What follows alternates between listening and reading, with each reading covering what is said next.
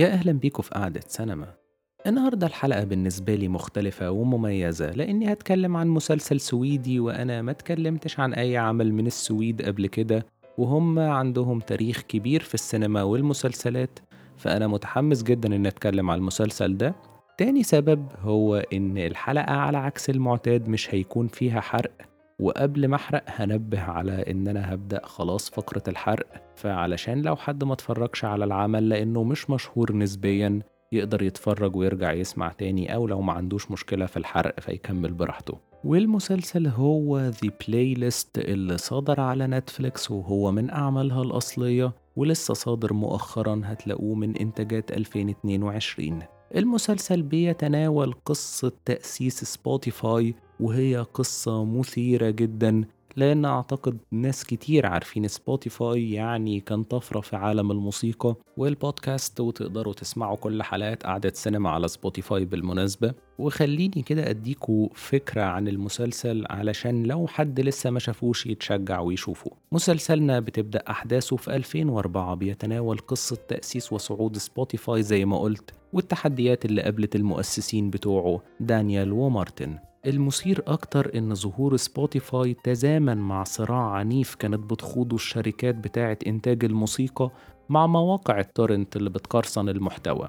تحديدا موقع بايرت باي ومن بعد النجاح والصعود بنشوف الأمور اتغيرت إزاي في سبوتيفاي من ناحية بقى العلاقة بين المؤسسين وكيفية تعامل الشركة مع الفنانين وعالم الموسيقى بشكل عام. حابب أقول إيه الأسباب اللي تشجع حد يشوف المسلسل أو إيه المميزات اللي فيه في رأيي؟ في رأيي تجربة مختلفة إنك تشوف مسلسل في السويد ده بيخليك تشوف ثقافة مختلفة وشكل بلد مختلف. دي حاجة لطيفة وده بيخلي المسلسلات الأوروبية underrated. أنا بصراحة بحب متابعة المسلسلات الأوروبية من وقت للتاني. وفي الحلقة رقم 32 اتكلمنا عن مسلسل بابلون برلين اللي بالمناسبة صدر موسمه الرابع. فكان من المسلسلات الحلوة جدا الثلاث أجزاء الأولانيين شفتهم كانوا عاجبني جدا. وفي الحلقة رقم 44 اتكلمنا عن مسلسل لاندسكيبرز كان أربع حلقات وإنجليزي وحلو جدا.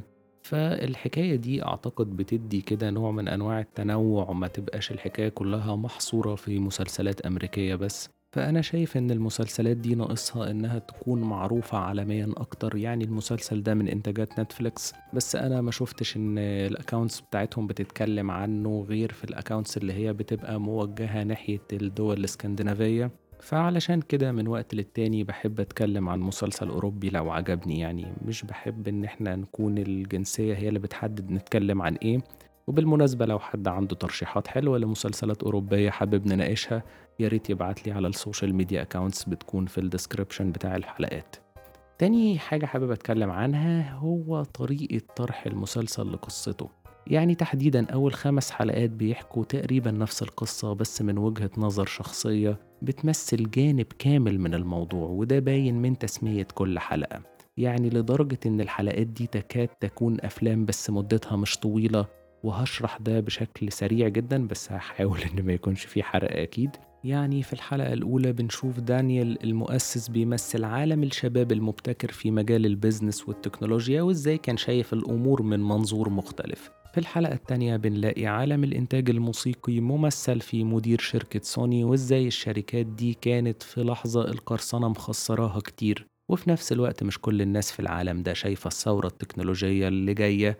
وكانت ممثلة طبعا في سبوتيفاي أو منصات البث الموسيقي بشكل عام. في الحلقة الثالثة بنشوف وجهة النظر القانونية وموضوع مجال حقوق الملكية الفكرية وكيفية خلق توافق بين شركات الإنتاج وسبوتيفاي. في الحلقة الرابعة بنشوف وجهة نظر أندريس اللي هو أول من انضم لسبوتيفاي بعد دانيال ومارتن واتكلف بعمل المنصة دي وإزاي التحديات كانت كبيرة وبنشوف لحظات الصعود والهبوط في العلاقة بينه وبين الشركاء في الحلقة الخامسة بنشوف وجهة نظر الشريك المؤسس مارتن اللي اتحمس ومول الفكرة وإزاي كان شايف الموضوع فرصة كبيرة واستثمر فيه وفي دانيال نفسه والعلاقة بينهم وصلت لحد فين بعد سنين. فالحلقات مواضيعها كانت مهمة ومثيرة جدا بالنسبة لي وعجبني جدا كتابة الشخصيات في المسلسل ده. يعني كل الشخصيات اللي اتكلمت عنها وأضيف ليهم مؤسس موقع بايرت باي عندهم دوافع ممتازة حتى لو اختلفت معاهم. بس تفضل فاهم هم بيعملوا كده ليه. لأن كمان المسلسل كان بيقدم لنا في حالات كتير لقطات من تاريخ معظم الشخصيات. فاللحظات دي تقدر تفهم منها الشخصية أكتر فكل ده كان بيخليك كمشاهد عايز تعرف الشخصيات دي أفكارها ودوافعها هتوديها لفين وهتضيف إيه للأحداث. فلحد هنا خلص كلامي عن الجزء اللي مش هيكون فيه حرق يعني حاجة عكس المعتاد خالص فلو حد ما عندوش مشكلة مع الحرق ممكن بقى يكمل أو لو لسه ما شفتش المسلسل تقدر تروح تشوفه وترجع تسمع الجزء ده وأحب أعرف رأي الناس في المسلسل على ال social media accounts نبدأ بقى فقرة الحرق المسلسل فيه قرار ذكي جدا في رأيي على مستوى الكتابة وتم تنفيذه إخراجيا بشكل ممتاز وهو إن في آخر كل حلقة بطل الحلقة اللي بعدها بيكسر الحاجز الرابع وبيكلم المشاهد ويقول له ينتظر صراع أو تحدي شكله إيه. المسلسل إخراجيا كان حقيقي كويس جدا إيقاع رائع وكان فيه حلقات ليها قرارات خاصة بيها. هضرب مثل على ده في الحلقة التالتة كان في تحديات إخراجية وانتقالات زمنية ومكانية جامدة جدا فكرتني بمسلسل لاندسكيبرز في الحلقة الرابعة اللي بتتكلم عن أندرس استخدام الألوان كان كويس جدا يعني كانت بتبقى مشبعة كده علشان تبروز لحظات مهمة. وكمان اتعمل جزء كسر فيه أندرس الحاجز الرابع علشان يشرح لينا موضوع الخوادم والتحديات اللي فيه بشكل فكرني جدا بفيلم ذا بيك شورت والحقيقة الجزء ده ساعد في توصيل المعلومة لأنه كان مش طويل وسلس جدا ومسوحش المشاهد. الشخصيات زي ما قلت كانت مكتوبة بشكل ممتاز بس عندي ثلاث تعليقات على ثلاث شخصيات. هبدأ بشخصية أندرس ما بإني كنت لسه بتكلم عنه. شخصية كانت مكتوبة بشكل كويس جدا لأنه رغم إن أنا مش مقتنع قوي بوجهة نظره بس أثار تعاطفي لأنه تقدم إنه عبقري في البرمجة وملوش في اللف والدوران ورؤيته للأمور حالمة شويتين. لدرجة يمكن فيها سذاجة من كتر تمردها لأنه عايز يوفر الموسيقى للكل ببلاش وبدون أي ربح لشركات التسجيل ولا مستخدم سبوتيفاي يدفع أي حاجة مهما كانت بسيطة. بس إزاي تم استثمار أفكاره؟ وفي لحظات مهمة تم أخذ قرارات مصيرية دون الرجوع ليه؟ وإزاي كمان طلع من القصة؟ كل الحاجات دي ممكن تحسس الواحد بلحظات تعاطف معاه مع إني مش حاسس إن أفكاره واقعية الحقيقة. نروح بقى لشخصية مارتن وهو شخصيتي المفضلة. لأني كنت حابب حماسه وجنانه وحواره في الحلقة الخامسة اللي هو كان بطلها كان حلو جدا وحكى فيه مشاعره تجاه الأمور ورؤيته ليها بشكل كان جميل بجد. حسيت بتعاطف كبير معاه لما دانيال طلب منه يتخلى عن رئاسة الشركة وكان شكله قرفان منه قوي. وتعاطفي كان بسبب إن مارتن مش مجرد واحد آمن وصدق في حلم.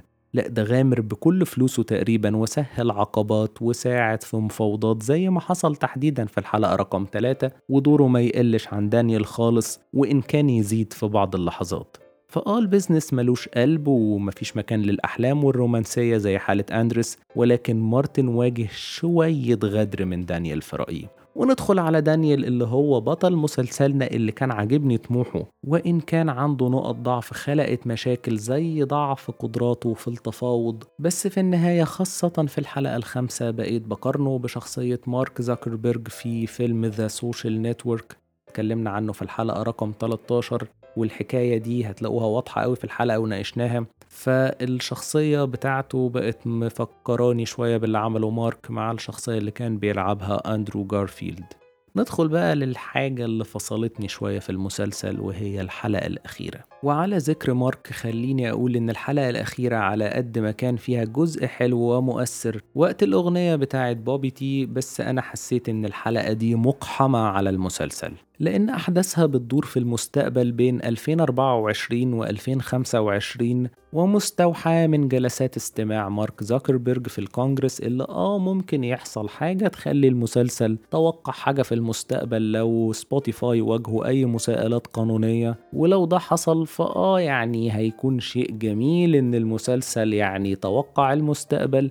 وبرضه آه الفنانين بتعاني ماديا زي بوبي تي كل دي حاجات كويسة ونقاط مهمة طرحتها الحلقة. بس إحنا خرجنا من إطار المسلسل وهو بيطرح قصة ووقائع محددة خلاص حصلت وبنشوف جوانبها مع شخصياتنا اللي جاية من خلفيات مختلفة ومن مجالات عمل مختلفة. فده اللي كان مخلي المسلسل حلو. الاتفاق اللي هو عمله مع نهاية يحكي لنا تقريبا نفس القصة من كل زاوية تقريبا وهيخلينا فاهمين كل الأطراف بتفكر إزاي. وآه هو مش مسلسل وثائقي يعني مش ملزم إن هو يحكي لنا كل شيء بدقة بس هو اختار اختيار إن هو يطرح موضوع واحد من كذا جانب.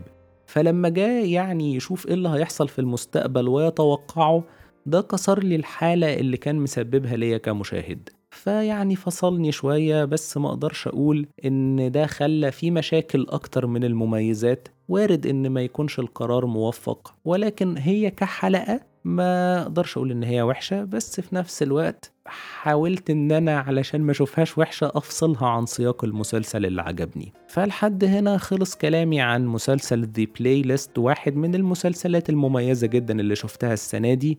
فأتمنى تكون الحلقة عجبتكم ويا ريت اللي مش عامل سبسكرايب يعمل علشان توصل لكم الحلقات الجديدة باستمرار ونتقابل الحلقة الجاية. مع السلامة.